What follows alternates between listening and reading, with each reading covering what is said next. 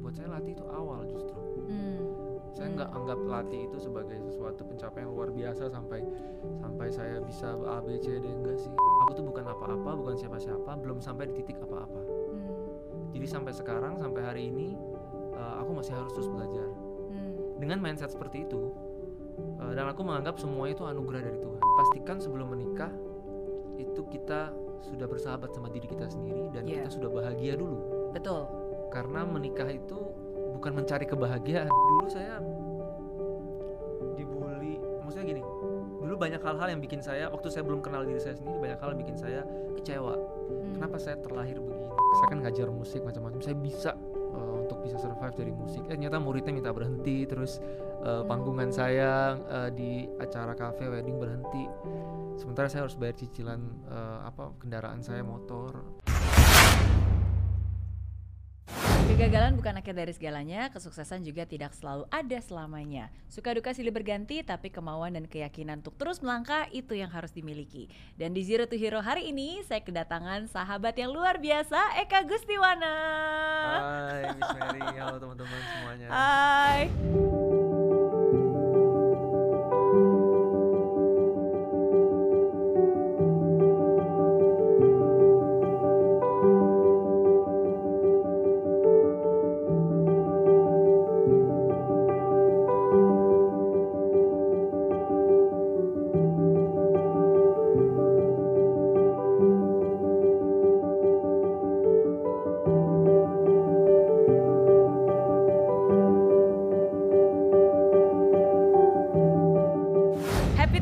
Again. akhirnya. Iya, tapi kita udah lumayan sering ketemu sih, ya nggak sih? kita teman lama sih aku ngaku. Teman lama. Udah udah lama banget ya lama banget lebih dari lima tahun enam tahun tujuh tahun tujuh dari tahun awal saya nge YouTube deh pokoknya Ah, 2013 dari awal tahun. dulu speech composing Mhm. dulu sempat bikin uh, speech composing juga Iya, buat betul. Mary Riana Indonesia pasti bisa Indonesia pasti bisa gitu terus uh, kita juga sering ketemu di beberapa acara Iya. khususnya kalau acara mahasiswa tentang passion tentang entrepreneur tentang apa ya tentang creative planner oh gitu iya ya benar-benar Biasa acara, talk show ya acara acara ya. talk show gitu uh, sering, sering ketemu.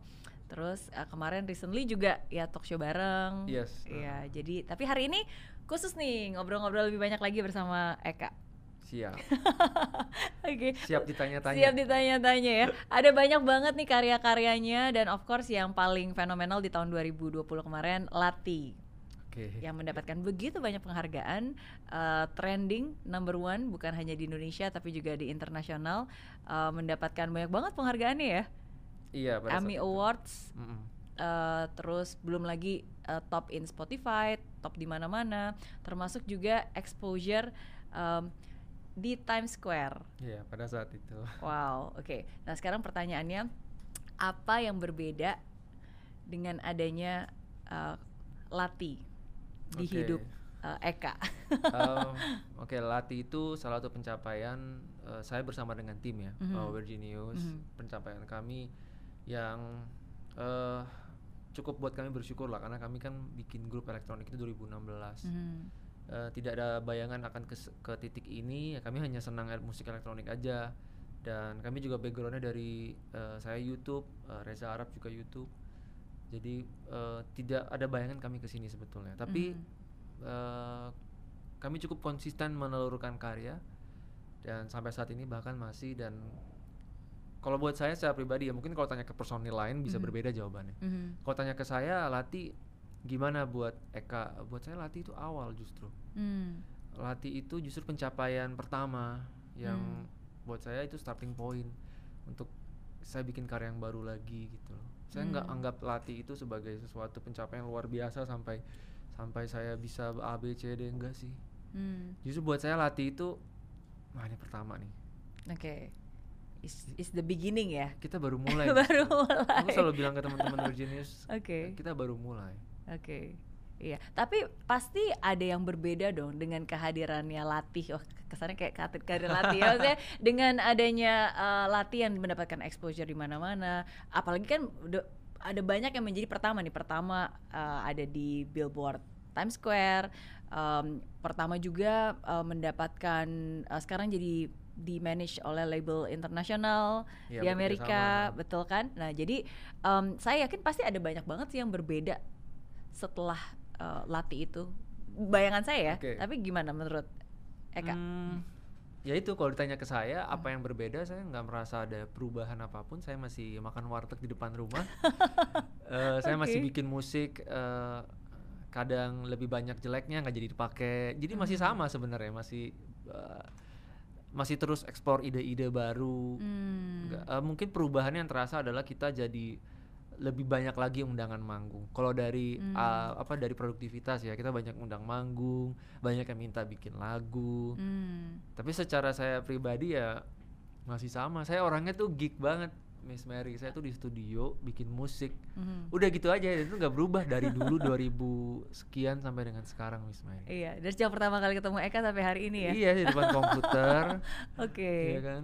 Oke. Ya udah. Masih tetap menjadi Eka yang sama, ya cuma yang berbeda adalah sekarang eh, menjadi awal baru untuk karya-karya yang berikutnya menurut sudut pandang Eka Eh, ya. sekarang justru yang menyebalkan. Nah, ini ada hal Oh yang iya, menyebalkan. ada yang menyebab.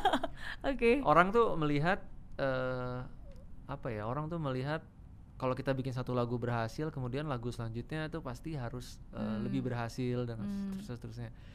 Jadi s- eh, akhir-akhir ini memang banyak komen, kayak kak bikin dong yang kayak latih lagi atau bahkan lebih bagus dari latih. Kadang-kadang kita rilis lagu baru, eh kok nggak se ini latih, nggak se itu Hmm. latih. Tapi kalau fans-fans lama mungkin mereka tahu bahwa kita itu bukan bikin latih dalam kar berkarir WG Hmm. itu.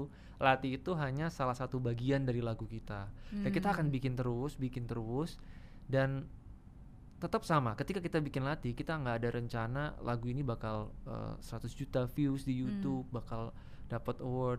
Begitu juga sekarang. Hmm. Ketika kita bikin lagu, kita nggak ada ekspektasi ke sana. Bikin, bikin dan bikin.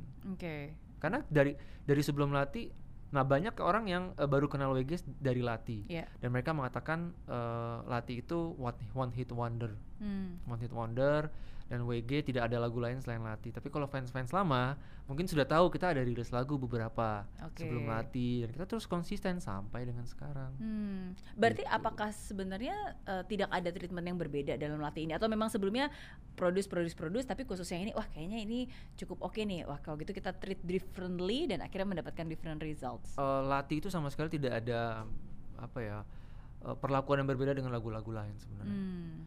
Jadi latih itu sama kita tuh WG itu nggak ada marketingnya Mhm. kita nggak ada tim marketing kita nggak punya label kita sendiri kan jadi latih itu sama pada saat itu tapi eh, mungkin ada momentum yang berbeda pada saat itu Mhm. waktu itu lagi awal-awal pandemi mungkin banyak orang pegang handphone karena oh iya. karena banyak di rumah Karena Jadi, dirilisnya waktu itu bulan Maret 2020 Bulan, ya eh, videonya. Februari eh, rilis lagu video Maret videonya Nah, Maret. kemudian itu kan lockdown kita kan Betul.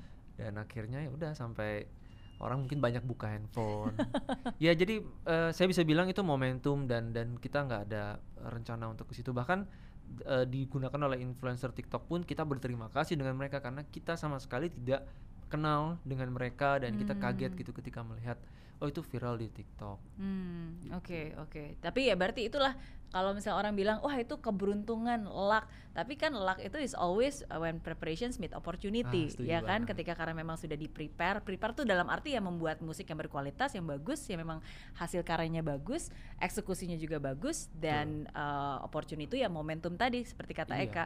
Jadi ada kesempatan dan akhirnya opportunity ya berarti pandemi, Yes. opportunity-nya adalah um, para content creator di TikTok yang akhirnya menggunakan lagunya dan membuat challenge ya uh, dan masih banyak lagi opportunity opportunity lainnya dan akhirnya itulah yang membuat salah satu faktor yang membuat uh, betul Lati dan juga with Genius bisa berhasil. dan itu buat musisi-musisi baru juga mungkin semoga bisa menginspirasi karena Hmm. kalau ditanya eh, apa resepnya bikin latih supaya berhasil ya bikin terus itu Oke. jadi nggak usah nggak usah oh aku harus punya alat ini aku harus masukin unsur ini bikin aja terus Oke. eksperimen terus di lagu-lagu kesekian nanti akan ada lagu terbaik kamu gitu Hmm, oke. jadi jangan berharap bikin satu lagu lagu pertama WG itu judulnya DPS kita kita ke Bali waktu itu kita kasih nama DPS karena di Mhm. bandara kan DPS gitu Iya. Ya berhasil tapi ya udah eh, sat- eh, segmen yang denger WG aja yang suka tapi kita happy dengan itu intinya yang Hmm. penting happy dengan karya yang kita buat itu sih. Hmm. Em, tadi Eka sempat bilang uh, pressure ya kan Hmm. karena kan orang juga nanya bikin lagi dong yang seperti itu atau enggak ketika kita membuat uh, karya yang berikutnya pasti orang akan membandingkan oh ini kok nggak seperti dulu Iya. sih gitu kan itu apakah ada pressure tersendiri dan gimana cara untuk bisa mengatasi pressure itu Em, sejak latih jadi memang muncul banyak orang-orang yang mungkin eh, baru kenal WG dari latih. Tapi Mhm. kalau sudah kenal WG sebelum latih mereka nggak akan expect seperti itu karena mereka tahu musiknya WG seperti apa. Hmm. Kami bikin musik seperti apa. Mereka tahu bah- bahkan mereka datang ke show-nya kita. Jadi Hmm. eh, mereka akan tahu gitu. Hmm. Dan mungkin untuk yang baru-baru kenal dari latih mungkin mereka akan expect the next latih. Tapi mungkin di video ini juga kita akan ngomong bahwa eh ya kita akan nggak akan menjamin kita bikin the next latih soalnya kita terus eksperimen musik-musik baru Oke. dan kita sendiri belum tahu tahun ini kita akan eh, keluarin lagu yang konsepnya akan gimana kita udah bikin banyak demo dan tahun ini akan rilis tapi itu pun berbeda-beda ada yang genrenya agak pelan ada yang genrenya agak cepat Oke. temponya jadi eh, kalau berharap ada the next latih mungkin kita nggak bisa jamin Oke. Tapi Oke. kalau berharap ada lagu yang bagus dan kita bikin dengan sepenuh hati dan kita happy banget sama lagunya pasti setiap rilisan itu seperti pasti itu. setiap rilis pasti seperti itu ya oke Em, eh, berarti dari Eka sendiri nih jadi ngomongin Eka sendiri eh, ada pressure nggak sih karena sometimes kadang-kadang kalau Hmm. buat saya eh, sering kali bisa muncul pressure itu sih karena kita kan cenderung untuk Ya. ingin memberikan yang terbaik kan tapi kan dalam proses terberikan terbaik sometimes nggak pernah ada yang terbaik nih karena begitu kita udah mau rilis ah kayaknya masih kurang ini ya masih kurang ini gitu kan dan apalagi kita kan selalu punya ekspektasi nih at least harus be better dong dari yang sebelumnya nah dan sometimes kan ekspektasi itu ya kalau kita nggak bisa memanage dengan baik akhirnya menjadi beban tersendiri ya. kan Jadi dan stres akhirnya kan? jadi stres dan nggak bisa lepas akhirnya malah jadi terikat dengan yang Ya, yang ya, yang ya. di sekitar gitu kalau dari Eka sendiri stres tuh musuh terbesar seniman sebetulnya aha, stres insecure nah itu tuh musuh terbesar tuh. kita insecure sama si A terus kita harus bagaimana bikin musik supaya ngalahin si A Oh, Iya. itu itu musuh terbesar kalau saya se- bertambahnya umur ya kalau dulu awal-awal berkarir Hmm. awal-awal bikin YouTube mungkin ya seperti itu Hmm. tapi awal eh, setelah seiring bertambahnya umur saya merasa eh, jangan pernah anggap kita itu sudah ada di posisi tertentu sehingga kita mengesampingkan eh, mengesampingkan ketika kita bikin musik dulu awal kita begini tapi sekarang karena kita udah terkenal misalnya hmm, kita bikin aja yang yang yang seadanya atau apa. Jadi eh, aku tuh selalu kita selalu ngobrol saya kan sama istri kita suka sharing sharing saya selalu bilang eh, aku tuh bukan apa-apa bukan siapa-siapa belum sampai di titik apa-apa. Hmm, jadi sampai sekarang sampai hari ini eh, aku masih harus terus belajar hmm, dengan mindset seperti itu eh, dan aku menganggap semuanya itu anugerah dari Tuhan hmm, Nah, kalau dengan berpikiran seperti itu kita nggak akan insecure,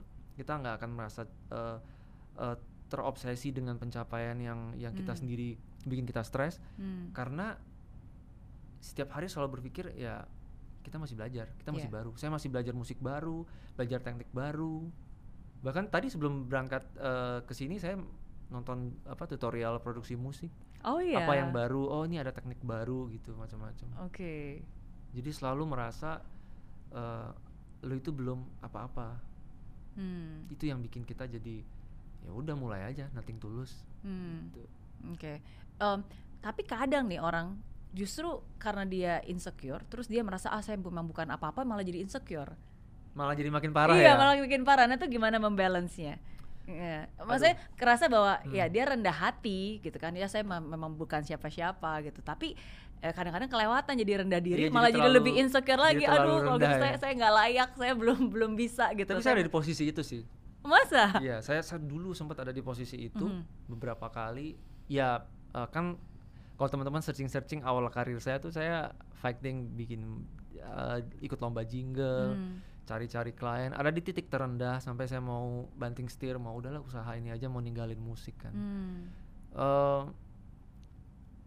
cara ngelawannya kalau saya tetap tetap sama sih prinsipnya kayak eh, seberapapun pencapaianmu ya anggap kamu masih belajar dan eh, persaingan itu ya mungkin teman-teman sering baca lah di di buku-buku motivasi Eh, Miss Mary juga sering menyampaikan bahwa kita bukan bersaing sama orang lain sebetulnya Ya. kita bersaing sama diri kita sendiri sama Betul. kemalasan kita sama eh, sejauh mana kita bisa belajar Hmm. kita bersaing sama diri kita sendiri Hmm. dan kita tidak berlomba di perlombaan yang ada orang lain kita berlomba di perlombaan kita Betul. jadi kalau kita ngebandingin kok eh, dia udah ber, eh, aku berkarya di musik selama tujuh tahun kok belum berhasil tapi dia cuma dua tahun kok udah berhasil Hmm. nah eh, pola pikir seperti itu itu nggak cuma di musik ya di mana pun di karir mana pun Betul. harus tahu bahwa setiap orang punya perlombaan yang berbeda-beda Ya.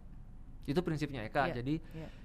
aku tidak pernah khawatir ketika ada eh, creator baru ketika ada musisi baru ya karena aku berlomba di perlombaanku sendiri Betul. dan dan seniman musisi itu punya keunggulan eh, karyanya yang diingat itu rasanya gitu loh Hmm. jadi ketika kita eh, bikin lagu dan si B bikin lagu si Eka bikin lagu dan si A B C ini bikin lagu Hmm.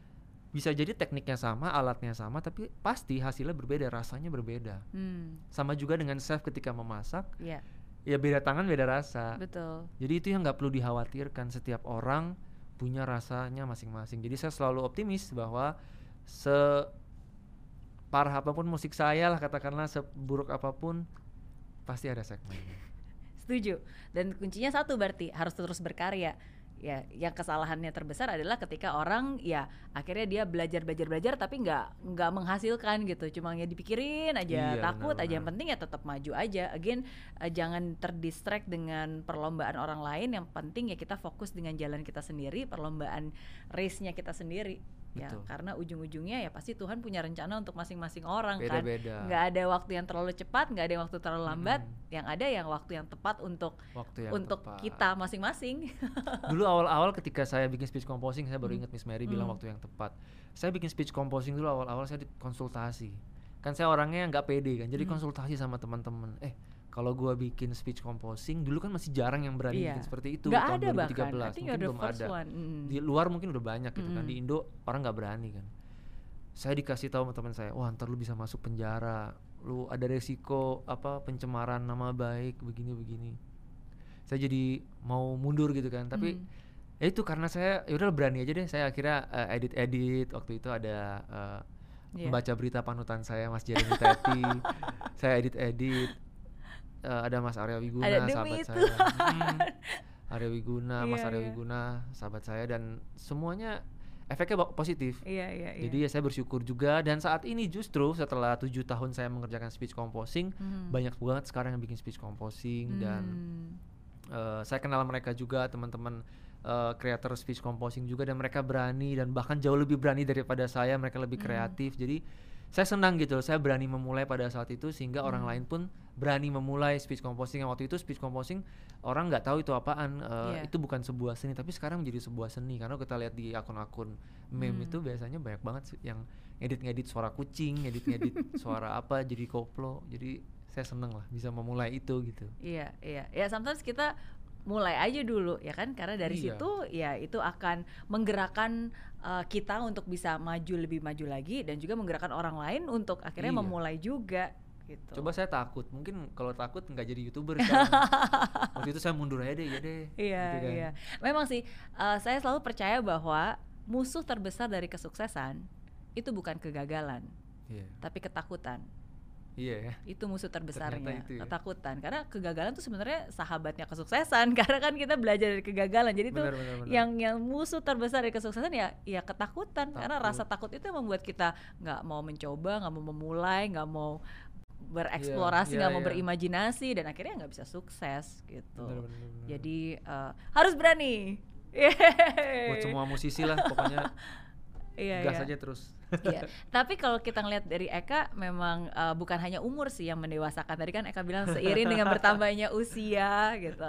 Tapi dari begitu banyak pengalaman hidup yang uh, jatuh bangun suka duka yang akhirnya membuat Eka menjadi Eka yang sekarang. Ya, ada Iya, satu foto benar, yang aku benar. pengen tunjukkan. Nah, tara. Ini foto Oh kapan nih? Gua. Tapi masih jamet sih sampai sekarang sih. Cuma ini nggak sejamet ini sekarang. Oh iya, jamet tuh apa? Eh, ya itu kalau rambutnya ke samping-samping gitu Oh, oke. Kalau zaman saya dulu namanya polem. Iya polem. Poni polem, lempar, iya. ini kapan ya? Ini tahun 2000 awal-awal 2005 kali ya, Mhm. 2006. Itu waktu saya masih main-main di kafe apa main-main keyboard ini keyboard pertama saya nih saya Mhm. belinya nyicil sama teman saya 500 ribu sebulan Waktu itu 10 tahun, 10 dipinjamin sama eh, Irwan kalau nggak salah. iya Ah, kok tahu tahu dong. itu Eh, itu saya nggak pernah ceritain perasaan Iya, jadi em, jadi ini adalah waktu itu Eka pernah. Oh, kalau gitu Eka aja yang ceritain deh. Yes. ya waktu itu oh iya saya pernah posting di IG waktu itu Iya, Ah, benar-benar. ah. waktu itu eh, jadi keyboard ini menjadi keyboard pertama saya karena saya ingin karir jadi musisi saya nggak punya keyboard Eh, saya pakai keyboard studio terus waktu itu studio rekaman Mhm. eh studio latihan gitu kan nah kemudian saya mau beli ah saya mau beli punya satu keyboard deh saya waktu itu nggak punya uang untuk beli keyboard keluarga juga nggak bisa menyanggupi saya karena ketika saya terjun ke musik juga eh, keluarga hanya memberikan dukungan moral gitu kalau secara finansial Hmm. mereka nggak menyanggupi jadi saya harus urus sendiri semuanya lah Iya, karena waktu itu kan harusnya melanjutkan kuliah, tapi kan Eka memutuskan Harusnya. untuk nggak lanjutin kuliah Iya, dan terjun ke musik kan. karena ada beberapa hal saya nggak bisa ambil pendidikan tinggi Mhm. waktu itu yaudah saya fokus musik saya butuh alat musik nih gitu Eh, akhirnya saya minjem temen dan ada teman yang baik Irwan namanya teman saya mungkin dia sedang menyaksikan hal ini Mhm. Eh, waktu itu kan kalau sekarang saya minjem mungkin ya dengan senang hati dipinjemin gitu kan. Tapi kalau dulu kan siapa? Seorang Eka eh, nggak ada penghasilan eh, mimpinya juga pengen jadi produser tapi belum jadi siapa-siapa mau minjem duit. Hmm. minjemnya 5 juta lagi waktu itu. Pada saat itu tahun 2005 5 juta itu besar sekali. Hmm. itu 5 juta sekian buat saya sangat besar pada saat itu untuk hanya untuk beli nyicil nyicil keyboard. Hmm. ya udah akhirnya eh, dia mau bantuin ya udah deh dibawa ke Glodok waktu itu Mhm. saya naik motor sama dia ke Glodok saya beli keyboard bawa dus keyboard ya udah dari situ awal karir eh, ber- bermula dan saya main ke wedding wedding bawa keyboard ini Hmm. acara-acara wedding ngamen di ngamen di kafe-kafe. iya main di cafe main, Hmm. ngamen di wedding itu pakai keyboard ini dan saya happy dengan itu pada saat itu sekali main eh ya lumayan lah buat makan eh, sehari dua hari bisa gitu nggak besar angkanya pada saat Hmm. itu tapi seneng Iya, iya. bisa cari duit dari musik kan Karena memang dari awal cita-citanya pengen jadi pemusik. Cita-cita waktu kecil. eh jadi ada ada kondisi gini eh, s- ayah, ayah saya tuh musisi Mhm. ya, ayah saya musisi eh, tetapi karena orang tua saya tahu bahwa musisi masa depannya eh, mungkin menurut mereka tidak secerah karir-karir lain jadi dia mereka eh, lebih ingin saya yaudah deh jangan deh eh, Hmm. jangan jadi musisi deh gitu Mhm. Em, tapi gini dalam kehidupan tuh Tuhan kasih kita passion masing-masing beda-beda Hmm.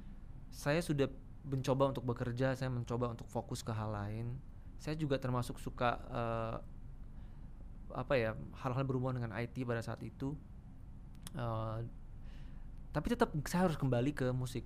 Pernah nyoba nyoba kerja kantoran juga kan? Eh, ya sales sales Ah, pernah, oke. eh, jualan gitu-gitu pernah dan saya kembali ke musik karena saya merasakan eh, waktu itu ada kekosongan yang harusnya gue bisa ngerjain ini nih harusnya aku bisa survive dengan mengerjakan musik tapi gimana ya itu pada saat itu Hmm. Mhm. akhirnya saya bulatkan tekad waktu waktu itu untuk oke aku musik aku bilang sama orang tua aku kasih kasih aku waktu di musik selama beberapa tahun 3 sampai 4 tahun kalau nggak ada hasil memang ya udah aku mundur dari musik deh Hmm. setidaknya dalam kehidupannya aku pernah mencoba Hmm. jadi musisi gitu kalau nggak pernah coba kan bakal penasaran terus sampai kapan pun iya, kan ntar nyesel seumur hidup. Nyesel, ya udah deh. Coba kalau dulu gitu kan. saya coba akhirnya Hmm. ya nggak berhasil waktu itu empat tahun belum jadi apa-apa gitu dari 2007 sampai 2000 Sebelas. se- tambah 4 2011 Se- ya sebelas, mm. itu belum jadi apa-apa ikut lomba jingle ya ada project-project juga tapi nggak bagus Eh, nggak nggak bagus bayaran gitu maksudnya Hmm. jadi gimana ya ya udah eh, tapi untungnya eh, puji Tuhan saya konsisten sampai 2013 saya jadi youtuber itu Hmm. itu sebelum saya jadi youtuber itu titik-titik di mana saya mau menyerah dengan karir saya Hmm. sebelum 2013 2012 tuh momen-momen ter apa ya yaudah deh saya kerja kantoran aja deh Hmm. saya bikin musik bagus-bagus kenapa nggak ada yang denger gitu waktu itu frustrasinya seperti itu Ya. kenapa nggak bisa seperti si A si B saya pengen jadi produser musik oh ternyata Tuhan bawa karirnya ke tempat lain lewat speech composing dulu Hmm. hal yang nggak pernah saya bayangkan Hmm. Sometimes um, sebelum kita naik ya memang kita harus berada di ujian terberat. Saat-saat terberat itu sebenarnya adalah Iya, iya. saat-saat di mana ya bentar lagi keadaan akan berubah. Titik terberat betul. Itu saya sampai bingung bayar cicilan waktu itu. Dua Hmm. 2012 lah hari terberat tahun terberat buat saya. Saya punya cicilan karena merasa udah bisa eh, saya kan ngajar musik macam-macam. Saya bisa eh, untuk bisa survive dari musik. Eh ternyata muridnya minta berhenti terus eh, Hmm. panggungan saya eh, di acara cafe wedding berhenti sementara saya harus bayar cicilan eh, apa kendaraan saya motor Hmm. wah pusing banget waktu itu titik terendah lah Oke, itu itu momen terendah Iya. uh, di dalam hidup dan juga karir Eka. iya iya Oke. waktu itu Tapi terus gimana cara Eka meyakinkan? How do you get the inspirations and the strength? Apa yang Ah. membuat Eka coba lagi dan bangkit lagi? Oke, saya tuh jarang nangis dan itu momen 2012 itu saya berlutut nangis itu karena itu. Hmm. karena masalah keuangan terus saya gila gue udah lima tahun 4 tahun di musik apa yang mau gue kerjain ya? Kayaknya eh kayaknya masih sia-sia gitu. Nah itu 2012 tapi eh kita eh, punya iman masing-masing. Saya Hmm. eh, percaya bahwa eh, Tuhan nggak akan memberikan cobaan yang lebih daripada kekuatan saya. Hmm. setelah saya berlutut dan menangis dan berdoa itu saya percaya eh, oke masih ada harapan kita coba lagi setahun untuk bikin bikin sesuatu konsisten bikin salah satunya eksperimen saya adalah speech composing Hmm. itu masuk dalam salah satu eh, list yang harus saya kerjakan di tahun itu saya kan suka bikin goals kan Hmm. hal kreatif yang harus saya kerjakan tahun itu ada A ada eh, bikin tutorial piano di YouTube waktu itu saya baru bikin YouTube tuh jadi Oke. 2012 eh, saya baru aktif nge YouTube bikin tutorial piano coba nyanyi tapi suara saya jelek coret Rendah hati. cover ya emang saya nggak bisa nyanyi Hmm. cover Eh, saya bisa main musik saya mau ngajar piano di YouTube tapi nggak terlalu banyak yang nonton nah yang berhasil adalah speech composing Hmm. jadi setelah begitu banyak percobaan speech composing ngedit-ngedit vokal orang ternyata dapat respon baik Hmm. nah dari situlah Oke, ya. So sometimes ketika kita memberikan kit- diri kita sendiri kesempatan, ya Tuhan akan memberikan juga kesempatan dan menunjukkan jalan-jalannya. pasti Iya, iya. Tapi saya suka em, salah satu hal yang Eka selalu bilang bahwa hidup itu cuma sekali, makanya kita harus terus berimajinasi. iya nggak boleh berhenti berimajinasi. betul betul Ya karena hidup cuma sekali. Bener nggak? Kalau nggak dicoba Iya. sekarang kapan lagi? kebanyakan dari kita ini adalah eh, karena kita mungkin dulu di komunitas sekolah di sekolahan kita sering dibully kalau kita ngasih ide yang lucu atau yang Hmm. kurang bagus terus dibully kan ah jelek ide lu gitu gitu jadi kita takut memberikan ide padahal seharusnya siapa pun yang memberikan ide itu harus kita apresiasi bahkan anak kecil ketika dia memberikan ide-ide yang nggak masuk akal kita harus wah iya harus tetap eh, respon positif bisa kok nanti ini dengan cara begini kamu pasti bisa gitu Hmm. karena saya merasa itu yang hilang dari dalam diri saya sehingga saya takut berimajinasi makanya sekarang ketika saya berani berimajinasi saya mau bikin si orang ini eh, bisa nyanyi nih si, Hmm. si Mas Jeremy Teti yang baca berita saya mau bikin bisa nyanyi Hmm. itu semua berawal dari imajinasi Hmm. gimana caranya baru cari caranya menggunakan alat ini menggunakan alat ini gitu Oke. Dan akhirnya itulah yang mengubah segalanya dari berawal dari keyboard, akhirnya dari keyboard bisa jadi karya, punya studio sendiri dan sekarang pun juga udah ada tim sendiri, udah ada uh, Ada EG. Production. EGP Production EGP Production. iya nggak? iya betul Iya, dan itu juga hanya salah satu ya dari begitu banyak lagi. Masih ada kan dengan Weird Genius, Iya, iya. uh, dan masih ada project-project lainnya juga label yang di luar negeri juga. Iya. mm. Em, apa kata orang tua terhadap Eka yang sekarang? Kan kalau dulu mereka wah jangan jadi musisi Iya. dan seterusnya.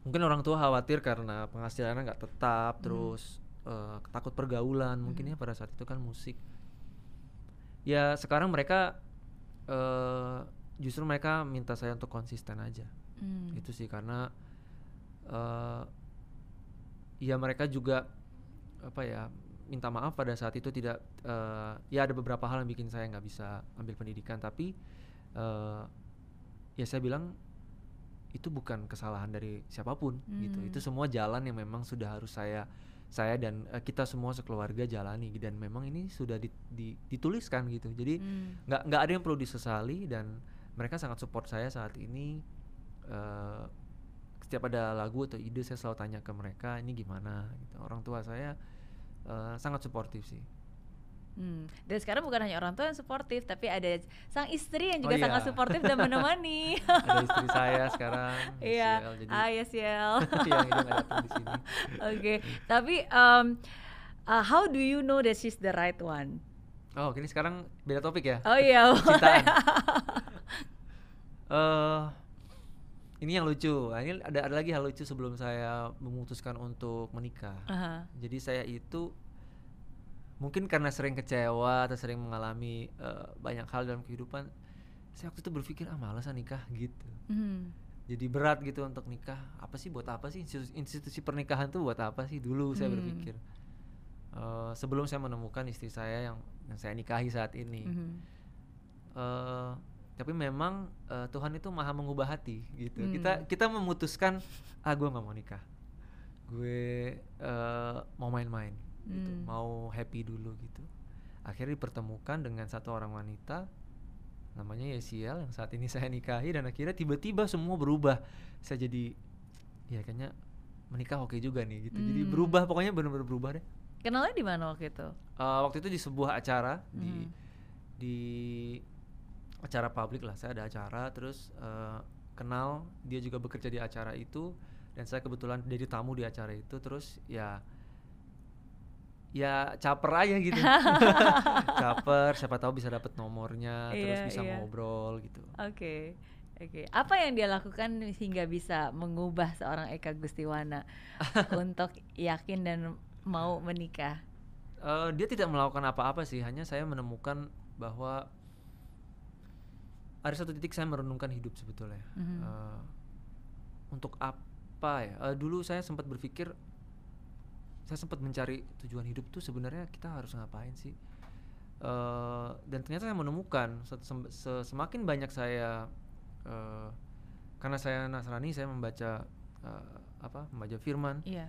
eh, semakin saya temukan bahwa tujuan hidup tuh bukan mencari happiness Hmm. bukan mencari kesuksesan kemudian menumpuk harta sampai eh, sekian karena itu nggak akan kita bawa. Hmm. gitu. Ya mungkin kita semua tahu lah gitu. Kita nggak akan bawa apa-apa ketika kita pergi dari dunia ini gitu. Iya. di situlah saya mulai titik balik. Wah nggak bisa nih. Eh, aku harus eh, belajar lebih dalam lagi tentang makna hidup. Hmm. dan salah satu yang diwajibkan oleh Tuhan dalam kehidupan adalah menikah. Hmm. Eh, beranak cucu bertambah banyak itu salah satu perintah. Dan aku menjalani itu Hmm. dan nggak cuma itu sih tapi karena memang eh, saya merasakan mungkin karena saya punya eh, background dikecewain sering sering sering mengecewakan orang sering juga dikecewakan kita Oke, semua sama pernah oke. mengecewakan orang pernah dikecewakan Mhm. mungkin saya waktu itu masih tenggelam dalam kepahitan Hmm. kecewa itu sehingga saya memutuskan untuk eh, ah bodo amat lah aku nggak peduli dengan pernikahan gitu Hmm. tapi ternyata eh, ketika luka itu sembuh pikiran kita bisa berbeda ternyata Iya. ternyata lagi saya menemukan bahwa jangan buat keputusan pada saat kamu sedang dalam kondisi terendah Oh. itu penting Yes. dalam kondisi terendah kita bisa aja buat keputusan salah Ya. dan dalam kondisi sangat happy itu juga nggak bagus Ya. kalau sangat happy kita jadi over gitu kan salah juga Iya. Iya. Harus balance ya Iya, betul. Ja- ja- maksudnya ketika kita membuat keputusan, ya kita tidak boleh membiarkan emosi kita mempengaruhi ya. Karena kan ketika emosi kita naik, kecerdasan kita menurun. Emosi kita naik itu Ya. dalam arti terlalu happy, Ya. sometimes kadang-kadang kita tidak hati-hati atau nggak terlalu sedih dan kecewa. Ya. Akhirnya kita membuat keputusan yang sebenarnya bukan itu gitu seharusnya. Tapi itu penting juga untuk dipelajari karena kalau kita lagi mau beli sesuatu, biasa kalau keuangan keluarga kan diatur oleh istri kan. kalau kita yang membuat sesuatu, kita lagi mau beli sesuatu, kita harus membuat suasana happy dulu Oh iya. supaya eh, ya udah oke gitu. Iya iya iya iya iya. Betul betul betul. Oke. Nah, tapi berbicara tentang kekecewaan ya, Eka, Hmm, ini bukan ya. hanya dalam relationship tapi dalam hidup. Ya. Banyak orang tuh pasti pernah merasakan rasanya kecewa. Ya. Oke, em, bagaimana menyembuhkan rasa kecewa? Eh, setiap orang pernah ngalamin sih ya. Mhm. Kecewa itu hanya bisa disembuhkan. Tunggu, kecewanya karena apa dulu tapi? Hmm, Misalnya kayak, kayak tadi, apa? kayak tadi Eka kan bilang eh, awalnya ada rasa luka dan kecewa dan akhirnya kecewa itu sembuh. Ketika Mm-mm. kecewa itu bisa sembuh, akhirnya baru mindsetnya berubah dan Eka bisa melihat dari sudut pandang yang berbeda. Nah, pada saat itu how do you heal that broken heart? Oh iya, iya itu berat sih untuk untuk untuk kita yang sudah eh, untuk kita yang masih remaja dan umur-umur 20-an itu pada saat itu berat banget untuk menghadapi hal seperti itu gitu. Cuma saya apa ya? Kuncinya sih bersahabat sama diri sendiri sih. Hmm. eh kebanyakan dari kita dari kecil kita mungkin ada beberapa yang tidak diajarkan untuk eh, belajar bicara dengan diri sendiri. Hmm. Padahal itu penting. Kita kita waktu meditasi bahasanya apalah beda-beda setiap orang meditasi, merenung, Ya, apa pun saat itu, teduh apa pun saat teduh, itu. ya Hmm. kalau uh, baca film lagi pagi Hmm. saat teduh. Itu penting. Hmm. Itu momen di mana kita refleksi diri sendiri, kita bertanya sama diri sendiri dan kita uh, intinya bersahabat dengan diri sendiri. Kalau diri kita buat salah, jangan uh, apa ya over blame ourselves gitu kayak Hmm. "Ah, ternyata gue payah banget, Hmm. ternyata gue bodoh gitu. Jadi itu yang harus dihindari. Hmm. Nah dengan kita membiasakan kebiasaan seperti itu kita nggak akan mudah tenggelam dalam kekecewaan karena kita tahu eh, oke eh, dia bisa menyakiti kisah cintaku tapi dia nggak bisa menyakiti mentalku. Ya, wah. ya kan? Dia bisa bikin gue kecewa oke tapi eh, langkah hidup ke depanku ya Ya, masih masih ada di ma- masih ada di genggaman tanganku. Ya, aku berdiri di kakiku bukan kakimu bukan di kaki orang lain. Ya, jadi aku masih bisa lari. Ya, nah itu kan didapatkan dengan kita sering ngobrol sama diri sendiri. Betul. mikir bersahabat lah. Gitu Hmm. sih. Self love ya. Ya bahasanya self love ya Self berarti love, ya. betul betul. Itu bisa jadi bisa jadi lagu tuh tadi ka- kalimat-kalimat Oh, itu. iya, iya. Oh, iya, Ada inspirasi. Iya, ya emang that's true sih. self love dan bertanggung jawab atas diri sendiri. Ya itu tadi bertanggung jawab atas Iya. perasaan diri kita, hati kita dan ya ya ini kan hidup saya kalau Betul. mau berubah ya cuma bisa Betul. saya yang yang menyembuhkan ya cuma bisa saya nggak ada orang Betul. lain yang bisa menyembuhkan dan, ya kan dan saya baru ingat jangan berusaha menyenangkan semua orang Hmm. kadang itu sumber kekecewaan terbesar ketika kita berharap orang lain eh, menerima atau senang karena perbuatan kita kemudian dia tidak senang kita akan Hmm. jadi kecewa jadi jangan menaruh kebahagiaanmu ke eh, afirmasi dari orang Hmm. konfirmasi dari orang Kebia- kebahagiaanmu ya keputusanmu sendiri Hmm. mau dia pergi kamu bisa memutuskan untuk bahagia. Mungkin untuk patah hati agak susah ya melakukan mendengarkan hal Iya, ini iya, gitu. betul. tapi itu yang dipaksakan eh, ketika saya waktu patah patah hati. Nggak bisa gue harus maju deh. Aku Hmm. duduk di depan teras rumah sendiri coba kurang kurang lonely apa. Duduk di depan teras rumah wah gue ditinggalin nih. Gitu. Tapi ya udah jadi komitmen. Ntar ya tunggu aja. Oh, gitu.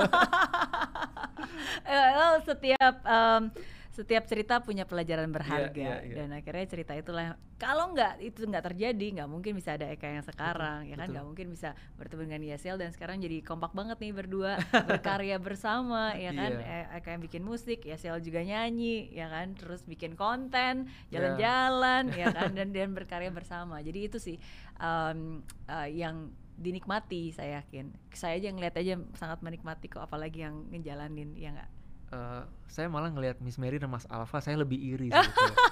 karena mereka selalu bareng dan mikirin ide bersama oke Kayak panutan ya panutan saya sebenarnya Miss Mary dan Mas Amin Alfa. amin thank you thank you tapi kita semua tahu untuk semua yang sudah berumah tangga pasti tahu nggak mungkin rumah tangga itu nggak ada masalah nggak mungkin nggak ada yang bertukar pikiran tuh pasti pasti selalu Pastilah, ada iya, Ya. iya.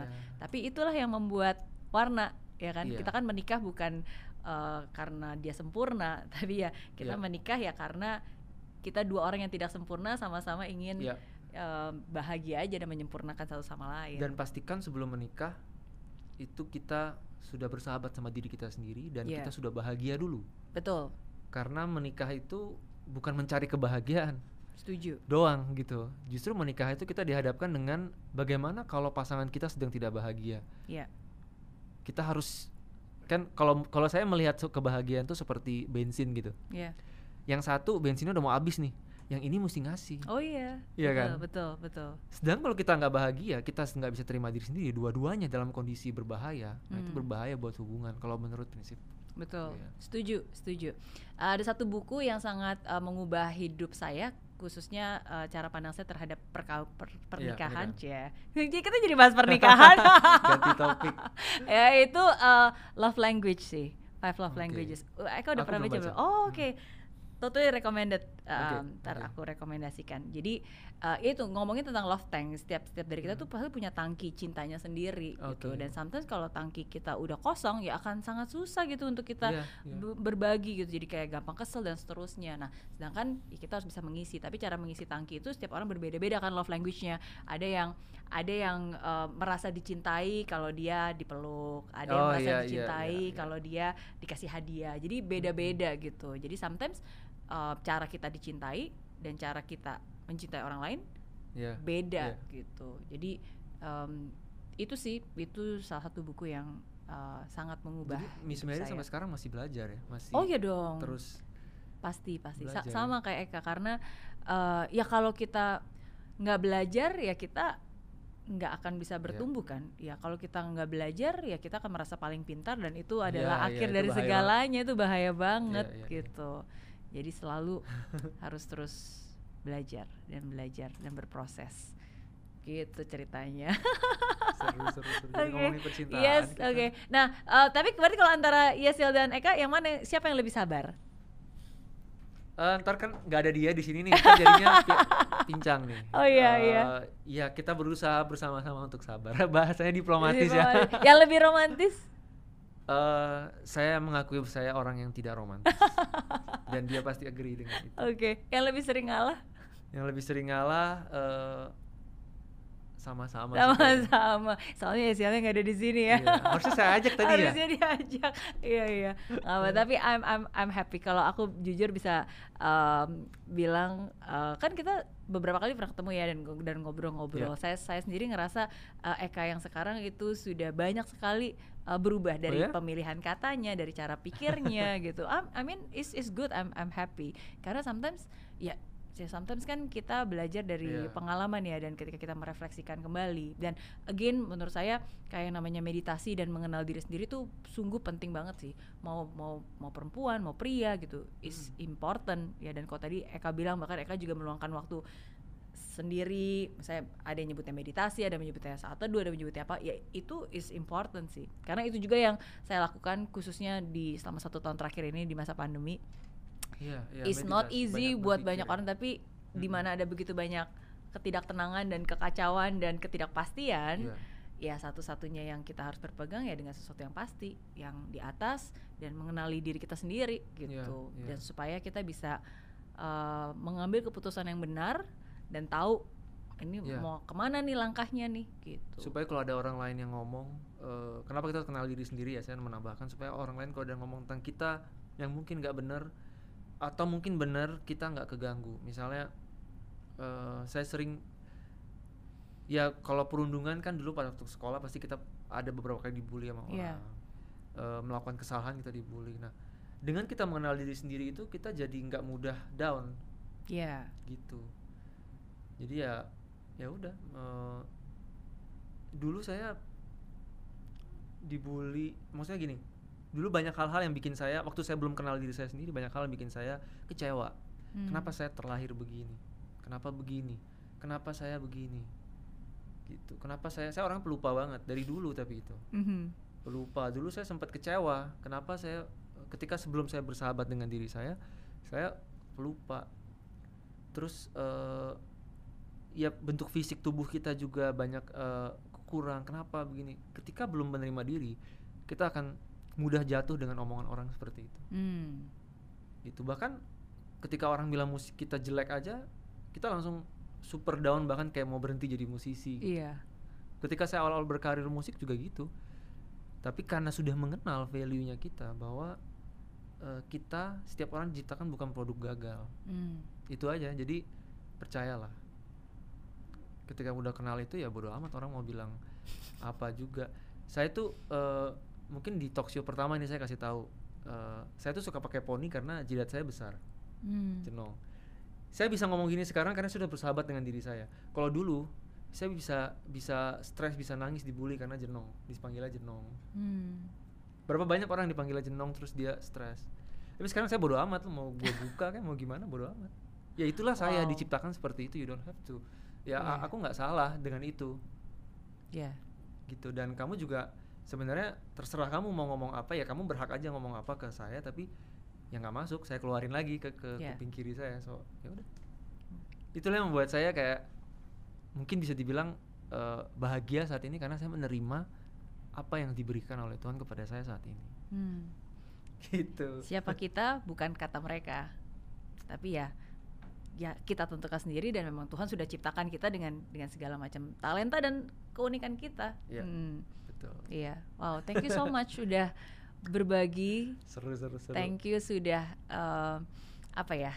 Sudah mau terbuka dan jujur dan menunjukkan kepada kita bahwa is okay to be different karena ya Iya. justru itulah yang berbeda ya kan kita justru nggak boleh sama dengan orang lain betul itu yang jadi uniknya kita. itu yang jadi unik iya thank you sekali lagi Terima Uh, kasih. sukses buat karya-karyanya ditunggu karya-karya berikutnya ya dan semoga kalau pandemi udah uh, berakhir nih eh, katanya rencana kan mau tour Ya, internasional semoga kan bisa terjadi lagi Iya. eh, turnya tur Indonesia dulu lah kita Iya, juga kangen iya. keliling-keliling Indonesia dan saya juga sebenarnya pengen bikin lagu sama Miss Mary tapi nggak kesampaian Oh. kesampaian akan akan ya nanti ya? ya nanti ya kita kita kita uh, kita jadikan sip siap Oke, yes.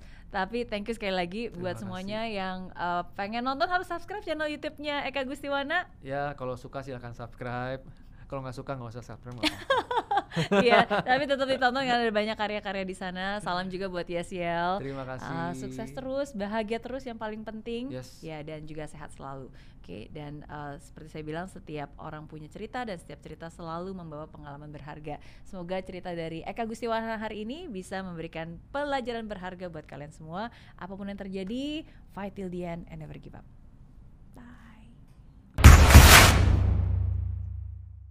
Indonesia pasti bisa Indonesia pasti Masih nggak sih? bisa. Oh iya, Masih slogannya? Indonesia pasti bisa. Go go go.